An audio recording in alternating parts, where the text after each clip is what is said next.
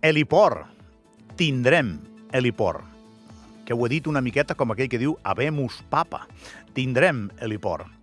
Hi ha temes en aquesta beneïda terra que tenen la capacitat d'arrossegar-se durant molts anys i arriba un dia en què queden desbloquejats i tot d'una, pum, tiren endavant.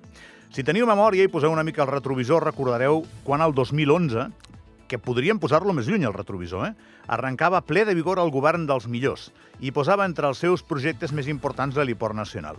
Recordareu també com les declaracions del ministre responsable de l'època, Jordi Alcobé, que per cert serà probablement cònsul de Canillo aviat, contenien una dosi de determinació per sobre de la mitja nacional.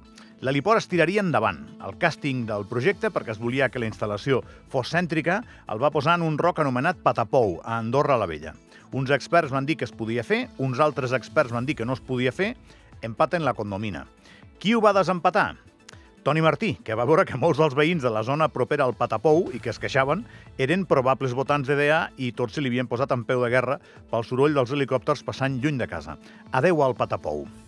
Patapum. El projecte que s'acabarà fent a la Cauvella també li va generar més d'un mal de cap i de dos al ministre responsable Jordi Gallardo. Però bé, aquest cop va de debò i sembla que tira endavant. Dic que sembla que tira endavant perquè ja hi ha arbres tallats. És dir, que sembla que l'obra avança, eh? Per tant, hi ha activitat. Ara, el que tothom valorarà si la instal·lació funciona bé i genera moviment i negoci per a Andorra.